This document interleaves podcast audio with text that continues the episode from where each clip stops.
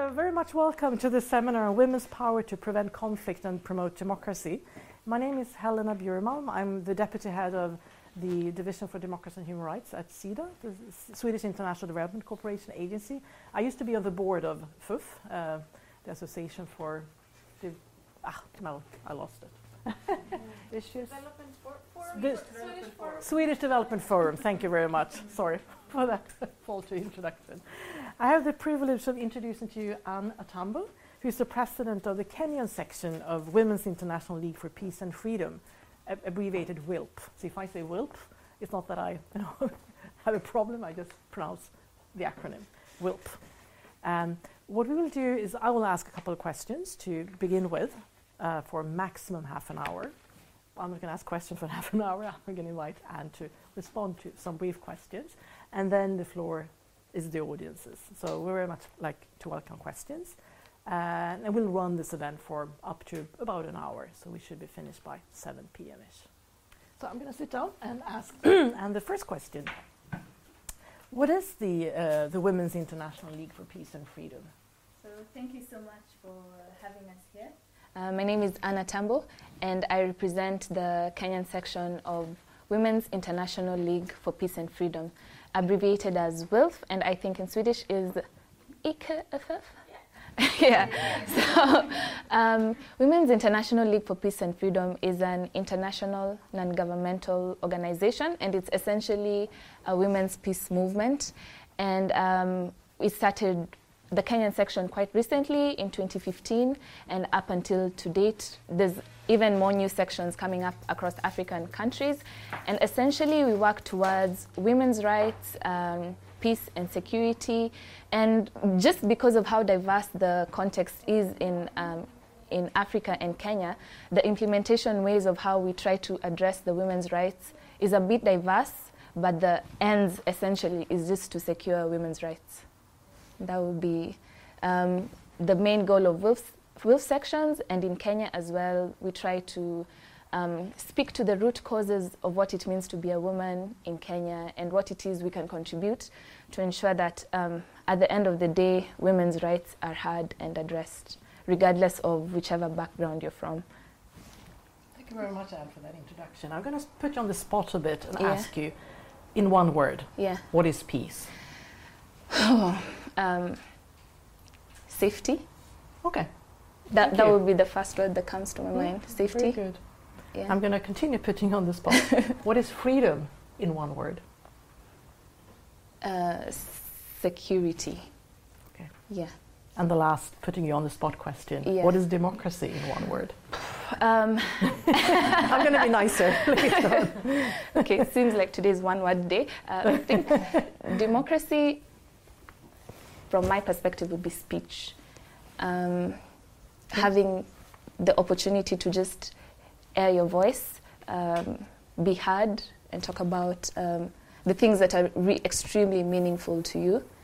Um, and I think, in a sense, speech is one of those things that are not necessarily we don't have direct democracy in Kenya and if we do it usually happens in a span of what 10 years where we have a direct referendum and so um, speech is one of those things that we try and find ways to get the voices from the masses to be heard Mm, yeah so that was that would be democracy right. for us So you might sort of rephrase your vision, uh, WILF, with the three three S words: safety, security, speech. yeah If you ever need to explain what you do in three words, you have those. Yeah, we do essentially because um, safety, we, pick the word secure, Mm. security, because um, it's quite relative. And um, again, just with how diverse the Kenyan um, ecosystem is, you find that people in the rural areas, what security means to them is just a food, is just food on your plate. But then again, it could be in the urban context, it would be the freedom to be able to just pick wherever you want to walk and not have anyone um, harass you. And so, essentially, at the end of the day, WILF Kenya tries to speak to the three S's, as you've put Right. it.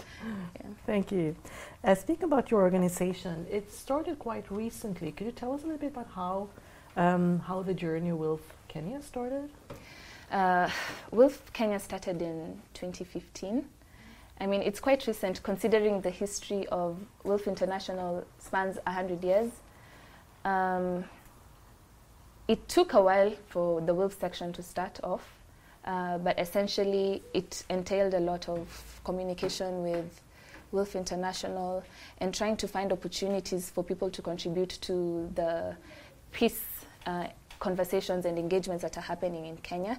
Um, I think peace building started to be to come quite to the fore because in 2007 that was the first time we had a, a very large um, conflict situation in the country and it uh, resulted from the um, conflict uh, around the announcement of presidential results from um, from the election that we had at that time.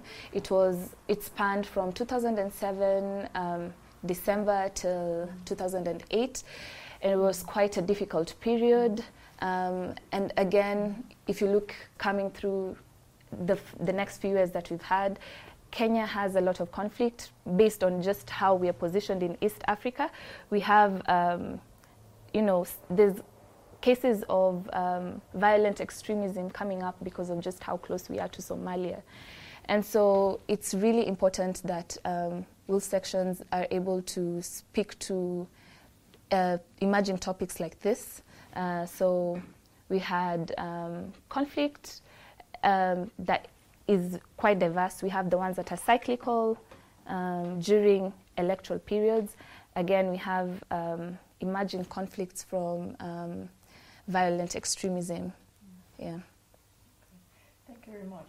Uh, speaking about the growth of the WILPF section in Kenya, as far as I understand, just a couple of years ago there were only four sections in Africa, and now there are almost well, there are around 18. Mm. What do you think accounts for that growth across the continent? I think across the continent, because of uh, just how connected the regions are, um, it's quite easy to be able to identify some of the challenges that run across the regions. And more often than not, we have uh, election, uh, violence related um, crises happening. Again, just the way I've mentioned, um, the issue about violent extremism, so it spans between Somalia, Kenya, um, again, Boko Haram in West Africa, mm. and also some of the challenges that we have in terms of resources and the accountability that we're able to have to our governments. And so, because of just how the there's a common stream of the challenges that we have, and I guess once you go to um, once you come into contact with organizations like WILPF, and then you're able to see what it is they're doing in their countries, and then you're able to realize, okay, fine, we have this almost similar challenges in our countries, and this is a platform that can also be used to serve to serve these needs because it's working in Kenya, it's working in Uganda. Perhaps it's something that can also be um, uh, replicated in my country to serve mm. these specific needs that we have that seem to be quite similar. Mm. Yeah. What do you see the future trajectory of WILPF in Africa? Do you think it will continue to grow at this high speed rate, or will it more um, sort of consolidate around the existing sections? I think, interestingly enough, I definitely think that it will continue growing. Mm. Uh, we've had, by the time WILPF section was coming up, we had, um, I think we were the eighth section and right now, there's around 15 countries that are also trying to establish WILPF sections in their country. Why I think it will continue growing is because um, there's this consensus that women's rights need to be spoken to.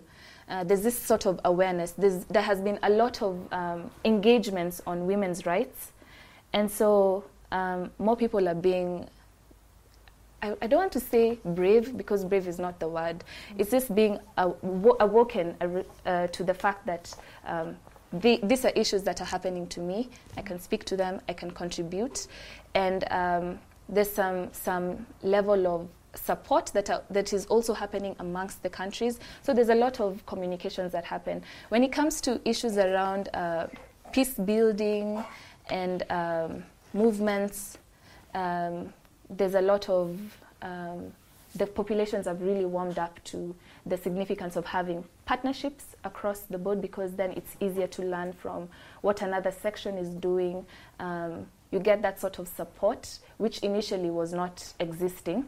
And so there's um, also the fact that there's easy access to information and mentorship, uh, which really helps to um, increase the confidence that the the people have to be able to do similar things. Now, the good thing about WILF and why I think it will keep growing is that they have a general framework that they work towards. So, in this period from 2018 to 2021, there's four main thematic areas that WILF sections across the world will be working on, and that is um, human rights. There's the Women, Peace and Security Agenda, which is on uh, United Nations Resolution uh, 1325. Um, there's uh, militarization, and then there's the question of the environment. And um, in as much as we have these four thematic areas, WILF section is, uh, WILF, how WILF works is that you're given these topics, there's these resources that are available to you, but because in my country it might be a bit different how um, the political climate is, we, uh, WILF allows you to work with your current situation. Mm. And so we might be talking about issues on environment, but how I employ it, how I um, have dialogues around it in my country might be different from how you might do it at yours.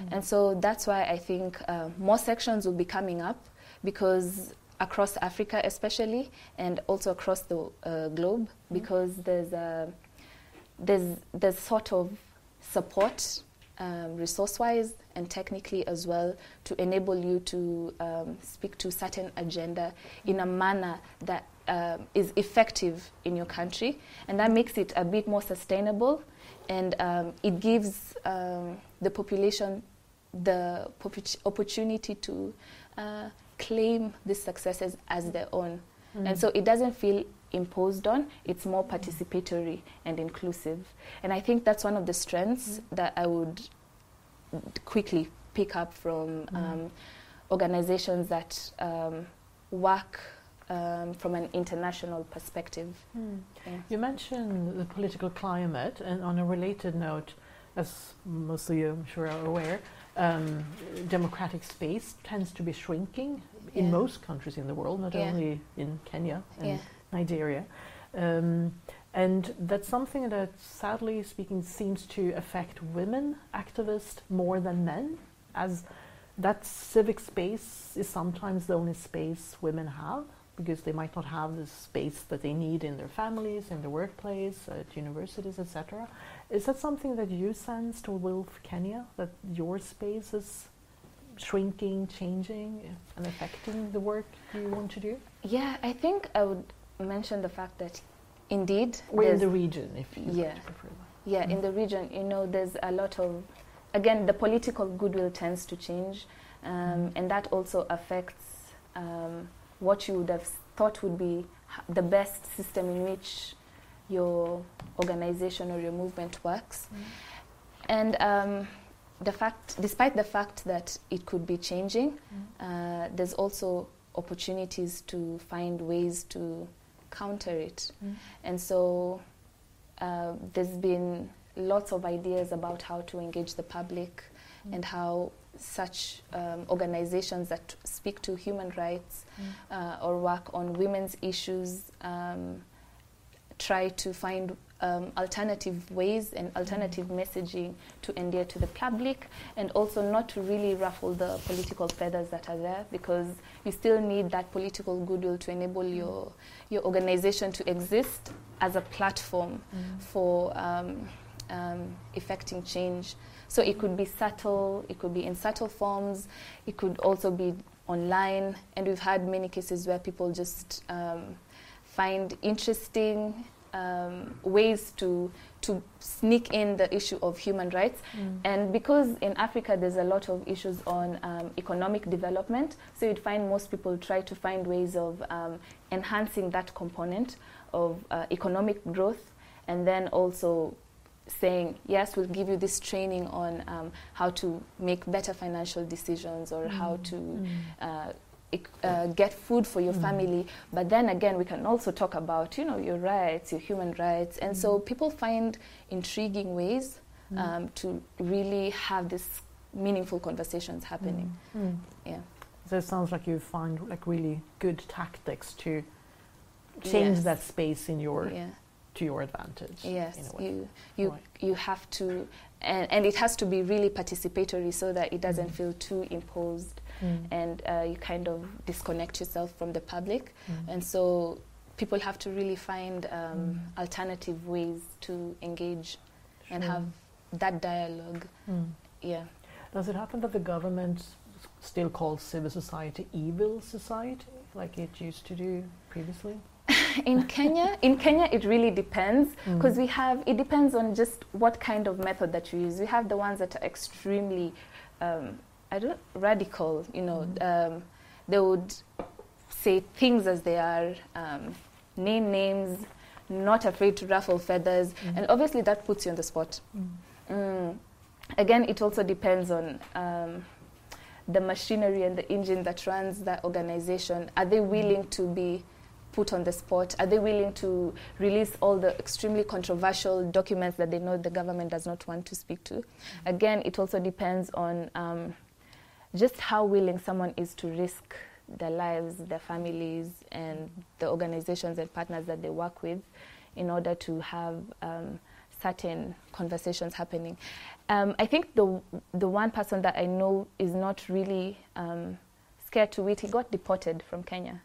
And so, again, like I said, it just depends on how willing you are to risk everything. Yeah.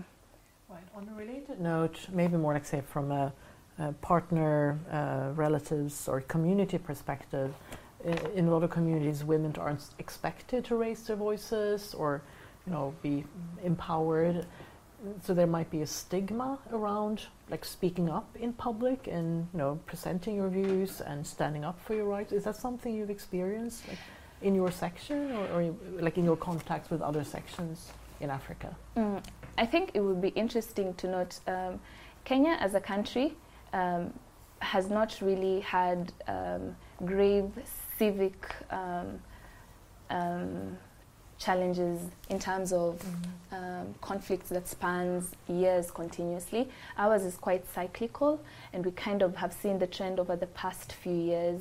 And it happens especially towards election period, mm-hmm. um, where you find our politics is very ethnic based, and that really started off from um, the moment we got our independence. And so how colonization worked, British rule, it was divide and rule.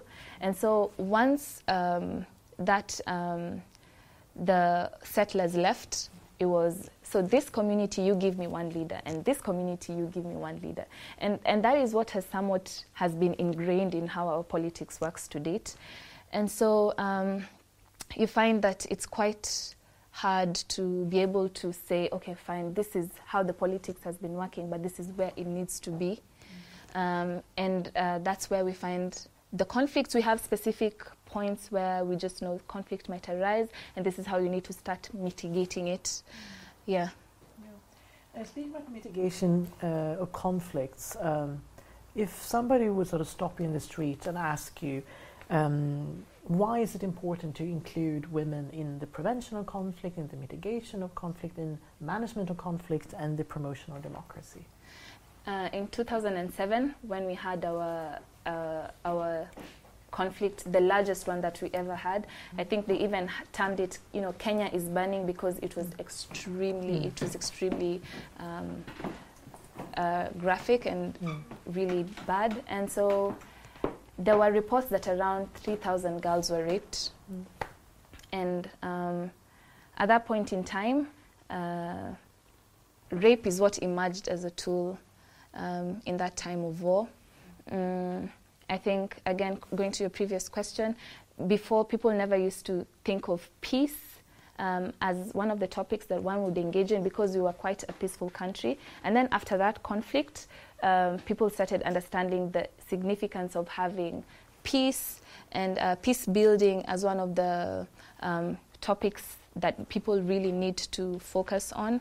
And then um, there was an element of now more women realizing that we actually need to uh, organize and come together because uh, war during times of war rape is being used against us. Um, and it has been a challenge that so many people are trying to address over over the period of, of time.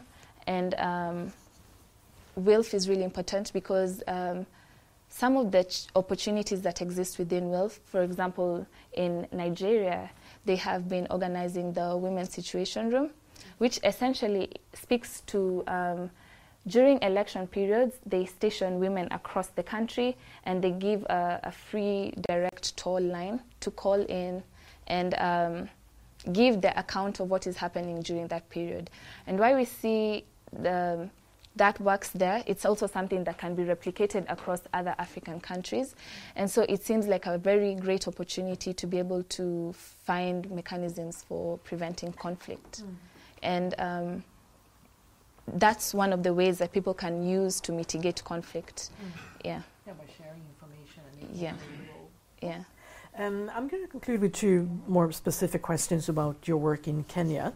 I know that there are two projects that you're very much engaged with. One is called the Mama Boma Project, and the other one is called the Kenyan Women's Voices Podcast. They both sound very interesting. C- could you share this? What are they about? Uh, so the Mama Boma project, mm. Mama means mother and Boma means a community.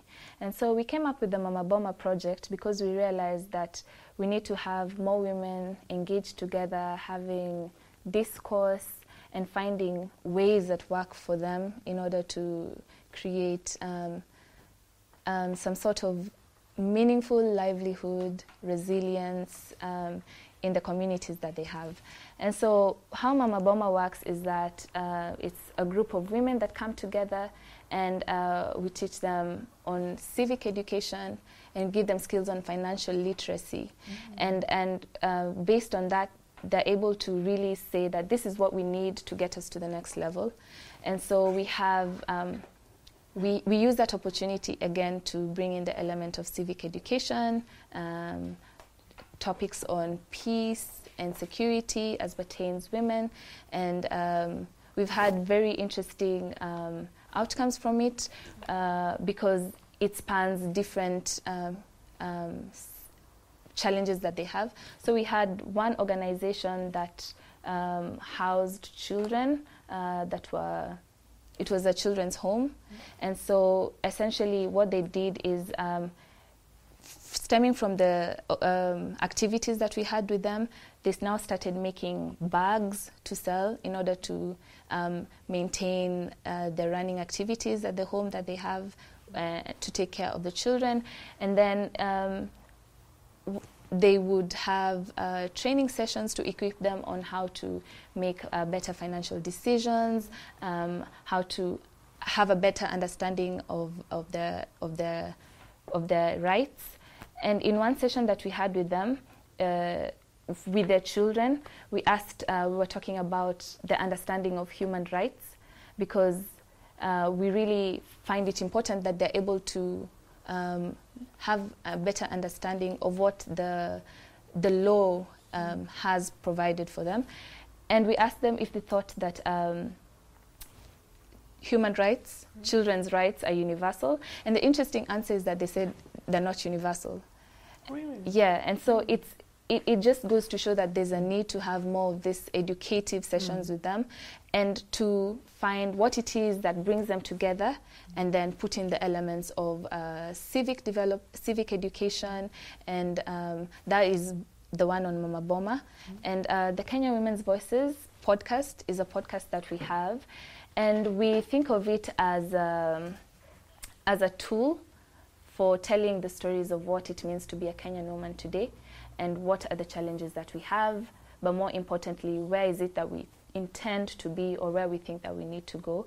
And so uh, in Africa, it's quite devoid of the rich oral history. There hasn't been uh, ways to really capture the stories that have been happening um, over the period of years, and we think that Mama Boma, the Kenya Women's Voices podcast, is a great platform to really harness those stories, but also we, we see it as an opportunity to um, let people know about what it is that they need to know. And why I say basically just let people know what it is they need to know, we had an interesting question on um, uh, the root causes of conflict, um, and we were looking at the the provision on sexual and um, gender-based violence, and um, we realized that people are not even aware of what they need to do once they have uh, been violated. Mm. So, a question as rape, we realize that people don't necessarily know what they, the law requires of them to be able to, mm. to have some sort of justice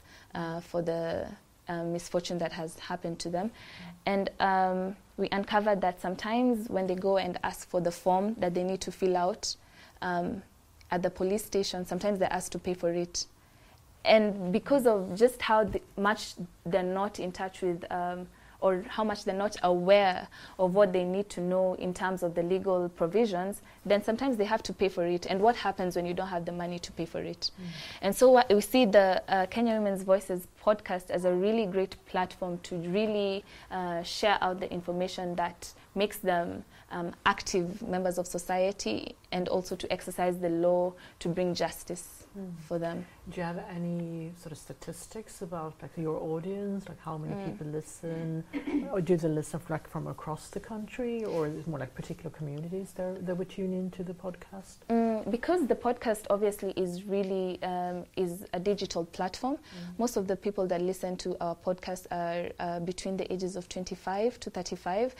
and because you know that really cuts off a huge population from interacting with the podcast, we usually play snippets of it every time we go to the community because that also helps them to have um, an excerpt into what it is mm. uh, other people are discussing on that platform as well. Mm. So it's it's it's really been interesting, and um, it also helps us to uncover some of the ill practices that happen and people might not necessarily be open to discussing them in a in a really public sure. platform and an interesting one that we found was that um, in some communities, uh, people think um, that if your significant other doesn't beat you up, then they don't love you. And you know, it's those really interesting, um, almost hidden um, cultural elements that we're able to to share on that platform because they don't have to come and say this is my name and this is what happens to me but through the p- podcast then they're able to we're able to get an insight into what really happens and and we're able to you know offer solutions and advice um, to some of the things that happen culturally as well Thank you very much for sharing these very rich insights. I'm sure there are lots of questions and comments. Do we need a microphone for the questions? There is a microphone. So you could, if you could just please just say your name and your question, and then maybe we'll take like a round or two, three questions. I invite Anne to answer those, and then we'll take another few rounds. So, who's going to be the brave first person?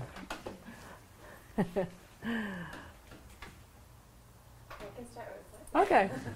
Thank you very much.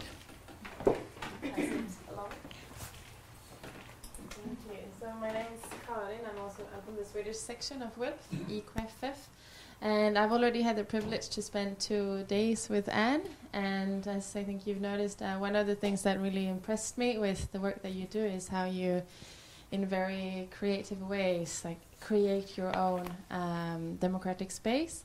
So my question to you is if you would like to describe these two applications that you've uh, come up with to work with uh, voluntarism and um, and security. Mm. Uh, so. Um, as you had asked about uh, the perception that people have to uh, feminism and uh, peace building, because of the challenges that we've been having, people have been a bit more um, sensitized to the needs of having such engagements on peace building. And um, what, what we realize is that I mean, obviously, some people have this negative attitude when, when you say, I'm a feminist, or you subscribe to some feminist um, uh, ideologies. And so, because uh, we try to make it quite open and inclusive, and try to make it um, in a way that we need you to be part of us. Uh, just because we take a feminist approach to peace building doesn't mean that if you're a if you're a man or if you're if you're not female, then we do not necessarily have anything to do with you. And so that's why we decided to come up with two applications. And um, the motivation for the first one is essentially the one on youth and uh, development, is because we have uh, a crisis on um, youth employ- unemployment in the country. And the funny thing is that 70% of the population is made up of young people, but there are not enough jobs. And since there are not enough jobs, it makes them more vulnerable to um, things that could lead them to, um, you know, and you know what they say about an idle mind. Mm. Yeah, they say an it's a verb, proverb. that an idle mind is the devil's workshop, and so we're trying to find ways of engaging young people. Why we, we want to do that is because um, in the conflicts that we have, we find that people that have access to means look for young people to further their agenda. So it could be during the um, conflicts, uh, say ethnic conflicts or whatever. Uh, we find people that have uh, means probably purchase guns, give it to the young people, and send ask them to go to that community, uh, because as I mentioned, politics and um, crisis in Africa, in Kenya specifically, is very ethnic based, and so we came up with an application that is trying to create to uh, connect young people to volunteering opportunities because every time we have an event or an organization, they say, Oh my gosh, how can I be a part of it? Because people are really eager to find ways of contributing to, um, to the development of. Um, I would like to say everybody wants to have some sense of self actualization. And because the opportunities are not enough, it could be just as simple as can I come and just you know usher people in because it gives them a sense of contribution to something meaningful. And so we call the app Sauti. Sauti means voice, and um, through the app we give young people opportunities to volunteer. So, for example, if my organization has an event like today, I say I need volunteers to come, and they're able to pick the ones that they want. But for us, because we're trying to also enhance the capacity of young people, what you, uh, as an organization, you give back to them is you have to give them professional feedback because we're trying to improve um, who they are, uh, how they can also grow into what they need to become.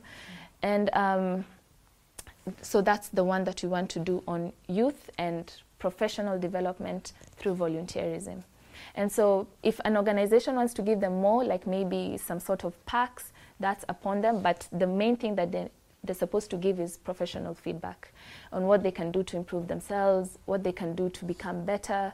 And um, another thing um, from the application, again, as I said, we're always trying to find um, the smallest of ways to enhance uh, women peace and security. Mm. And so, from a very biased perspective, we want everybody to uh, also, if you're a volunteer and you participated or you're an organizer, organizer that had volunteers, you're supposed to give us feedback on how safe that place felt. Mm-hmm.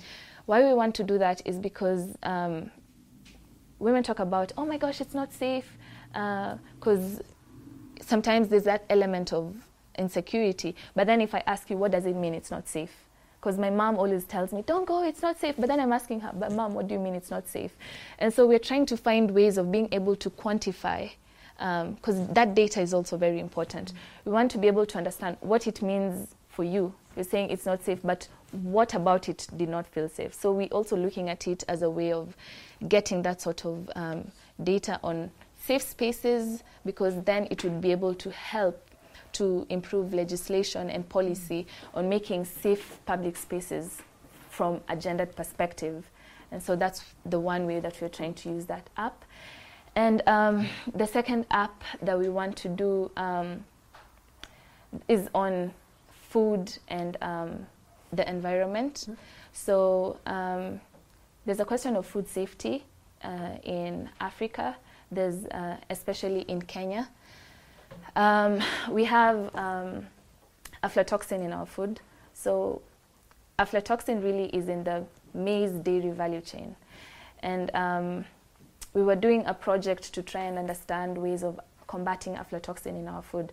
So how it happens is that cows eat um, affected maize, and uh, we drink the milk from the cows and we eat the milk we eat the cow uh, mm. yeah beef and whatnot but then it still gets to us so the thing about this is that in um, most of the agricultural communities, most of them grow it, grow food from a subsistence uh, perspective because land is not too easily accessible, and so they grow food um, in small farms. Mm.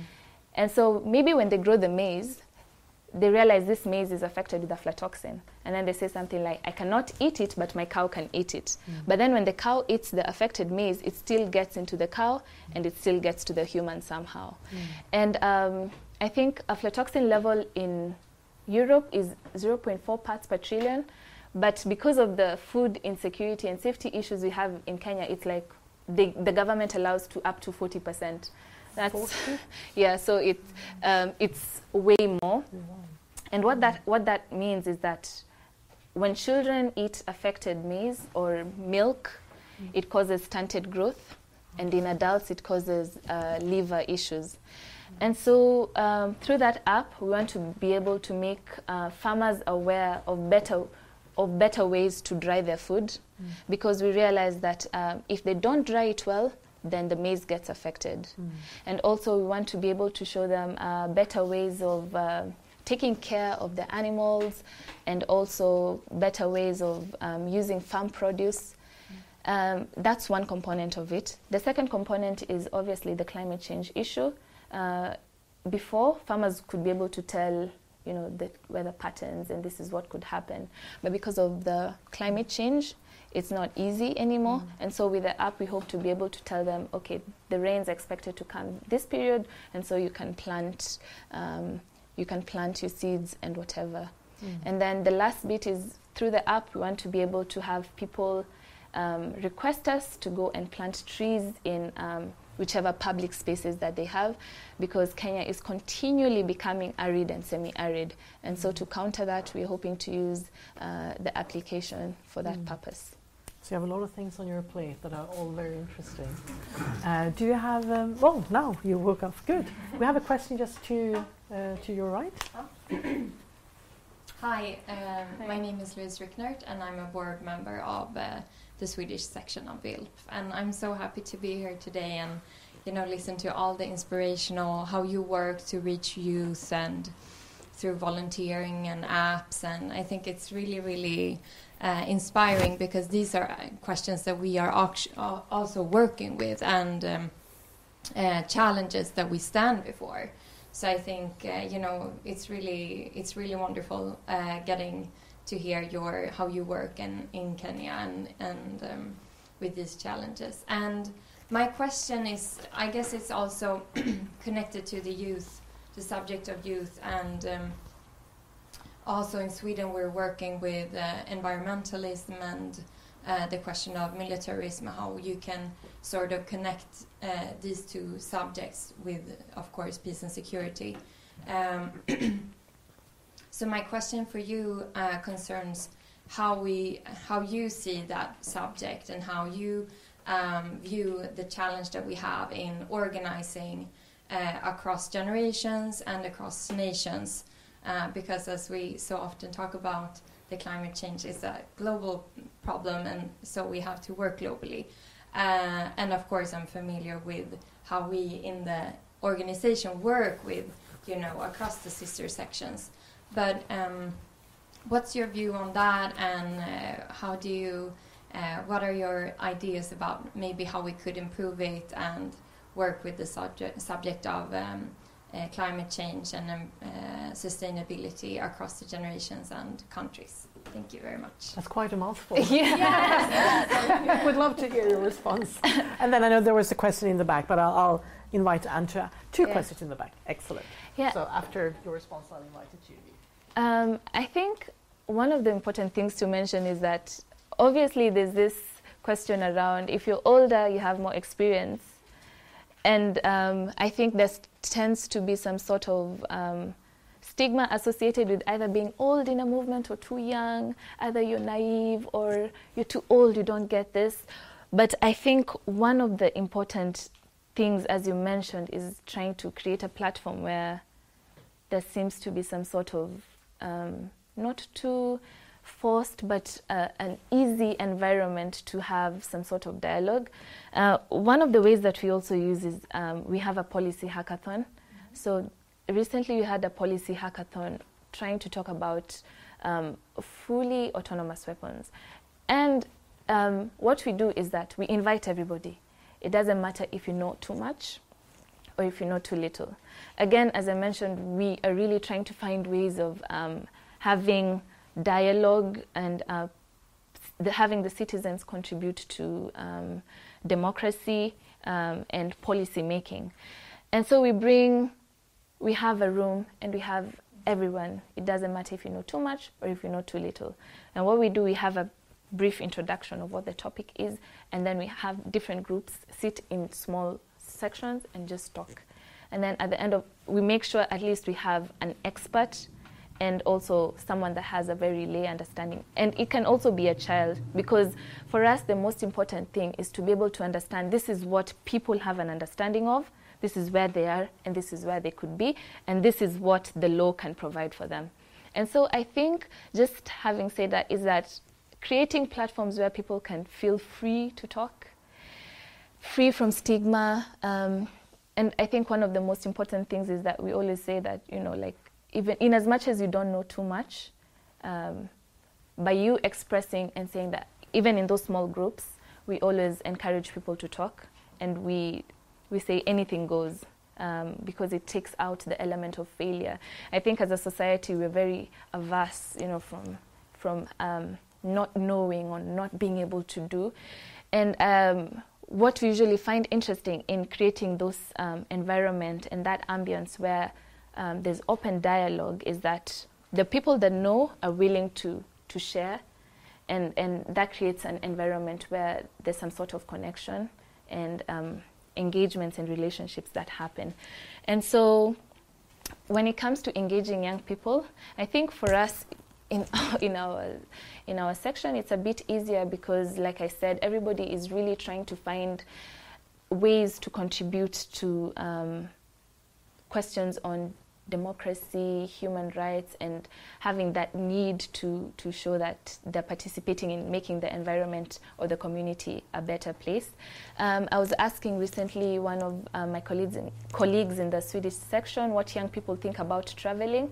I think that's also a nice way to enhance um, uh, cooperation between sections because you, you might find in some places the challenges that you might have here are not the same challenges that we might have there, but there's a, there's a way that they can connect. And so having young people travel uh, to go to see different places, it enhances on their empathy. I think empathy is also really important to factor in because it helps them to um, put themselves in somebody else's shoes, and because they might be coming from a different place, they bring different perspectives. And I think that sort of exposure is something that um, within sections and even within movements, um, it really helps a lot. And dialogue and understanding. But most importantly, giving room for failure. You know, like just saying, okay, fine, you came up with this, it doesn't work, it's fine. We just know that that's one way that doesn't work. Yeah, and I think that um, that room, especially just ensuring that there's some sort of dialogue and having a, a, a meeting point that contributes to an eventual goal is, is one way of trying to ensure that everyone's needs and expectations are met. Yeah. Thanks. Very good answer to a very challenging question. There were two women at the far back with questions. Thank you. My name is Malaika I'm from the Swedish International Center for Local Democracy. Thank you very much, Anne, for your presentation. It was quite interesting. Um, you spoke about having to work in a space without ruffling the political feathers and the political leadership. And you briefly mentioned now um, the sort of need for uh, policy change and youth engagement. One of the areas that we work in in our organization is the meaningful participation of youth in decision making. Um, our area of focus is local level, um, which I suppose is also relevant for you. But my question is, um, what have you been able to do? Because you've done quite a lot in terms of citizen engagement from sort of like the front end. Um, but have you been able to engage equally meaningfully in with the political leadership in terms of influencing policy and changing attitudes um, from that end? That's my question. Thank you yeah. very much. Yeah, that's an interesting It's another question. mouthful. That's an interesting question because, um, especially when you're starting out as a section, um, you need to be able to make sure that the work that you do is sustainable and that you're able to still cre- let that platform that you're working for and with exist enough for further conversations to happen. Sadly, you need some sort of political goodwill. Um, um, sometimes you always find someone that is really interested to to maybe create some space for you. And uh, as you mentioned it's really important to find someone in government or um, whichever platform it is to be able to you know help you get more connections. Uh, why that is important is because at the end of the day, all this good work that you do, there's always someone that may be willing to listen and someone who is in government or whichever um, position out there at a you know high level political level.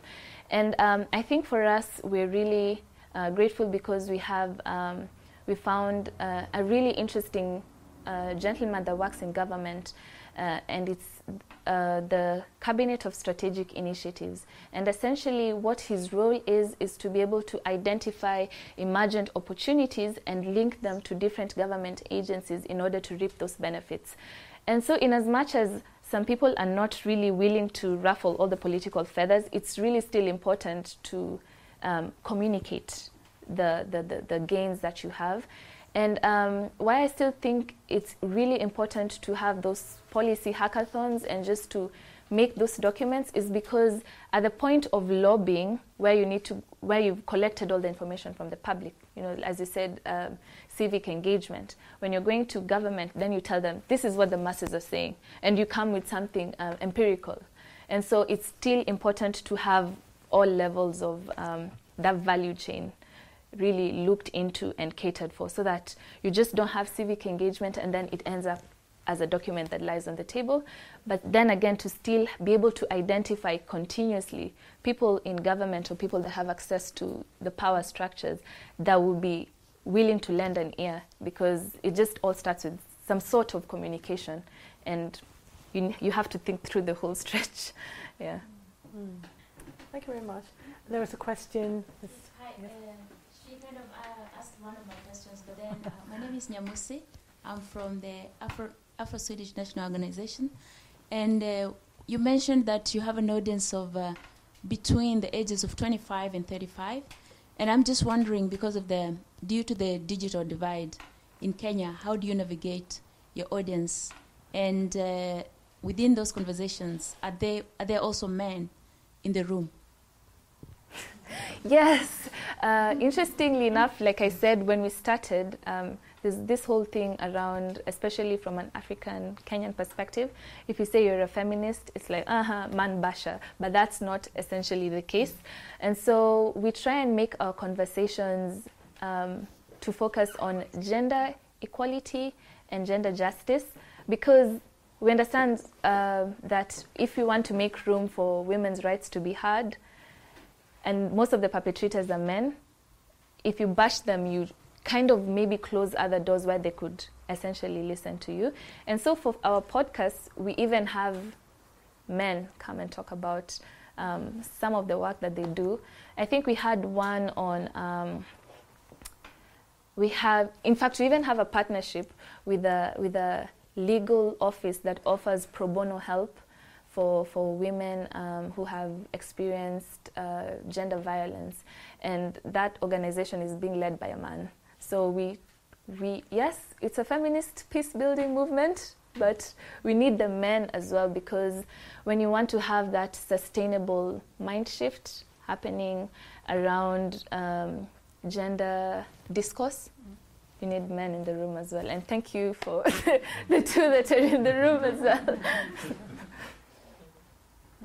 Thank you very much. Um, Oh, sorry. And Oh. I, I think we also we had also mentioned that yeah, um, the digital divide. yeah, we, Mm. we kind of take excerpts of um, the podcast and play it in open forums like this so that there's some sort of continuity. It doesn't just live in the, in the digital platforms only.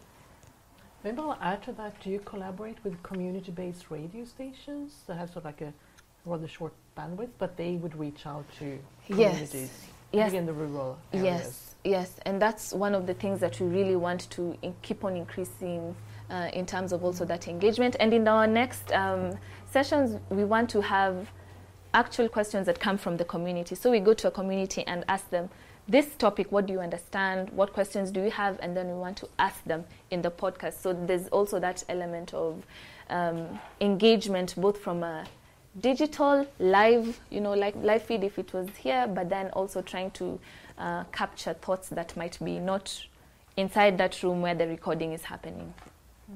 Thank you.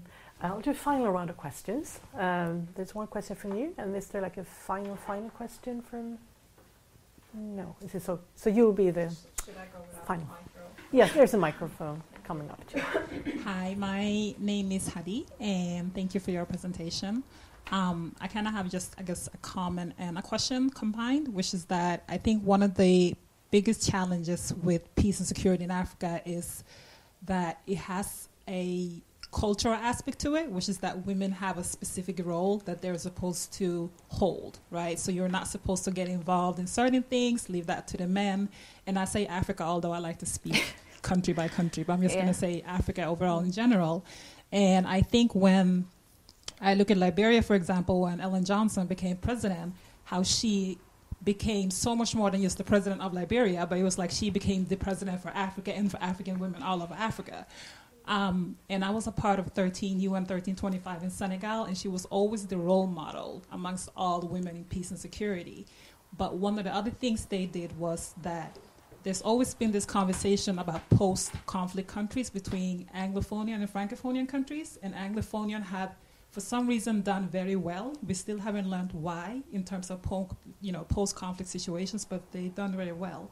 And I'm just wondering if you guys have captured lessons learned or ways of moving forward from these Anglophonian countries who've done well in terms of engaging women in peace and security, such as Liberia, because they do have a lot of women and a lot of females who are engaged in these activities. And I just wanted to know if you guys are drawing from that. And in retrospect, are you guys also sharing your lessons or the, the strategies that you are implementing with other countries as well? Um, I think um, I think I had mentioned about women's situation room in, in Nigeria, and um, how the women's situation room works, as you mentioned, in post-conflict uh, communities, and we know that in most African countries, every time there's a election, general election happening, you need to be quite keen and on the ground and come up with um, crisis mitigation initiatives because of just how uh, elections tend to be hotspots for crisis to emerge. And the Women's Situation Room, interestingly, um, got its um, the whole concept around it from um, Sierra Leone, and and so that's a already something that we have reaped. We've reaped uh, from the the lessons that they've had, and we also want also want to implement them in uh, other African countries. And um, also because of WILF section, how it works, they usually have regional meetings. And so all these countries, Anglophone and Francophone, come together in a room like this, and there's a lot of discourse that happens. And we always share and learn from each other. And so I think, just to, to speak to what you said, having that opportunity to get people that are actually working at the grassroots level to sit and talk eye to eye, open discussions, um, not using um, any sorts of inhibitions to just talk about these are our challenges, this is how it worked for us, and this is what you can also do. And I think that's why WILF sections keep on growing in Africa, despite the fact that there's this element of shrinking space of what democracy is and how it is uh, being implemented in Africa. And I think that's one of the ways that um, WILF is using. And that's why I, I also say that I think it will keep on growing. Yeah, because um, again, the question of um, having some sort of um, mentorship because uh, even if you're a new emerging section, you see that uh, this strategy worked in this Anglophone country or whatever, Francophone, but then it's also something that you can try and implement in your own country. And so I think for any international movement, it's really important to not just have the people that are at the high level, the ones that are at the grassroots, because they're the ones that still go back to these communities and get integrated. So yeah, that's what I would say. That was a very good ending. We sort of ended where we started on the importance of safety, security, and speech. And maybe you could add another S, as in solidarity across sections. Solidarity, solidarity. yeah. So much. It seems like you seem to have a very strong learning perspective in your organization, where you learn across mm. sections that sort of in solidarity with your sisters and brothers. And brothers. I'd like to thank Anne Atambo so much for sharing these uh, insights. I personally find it very, very inspiring.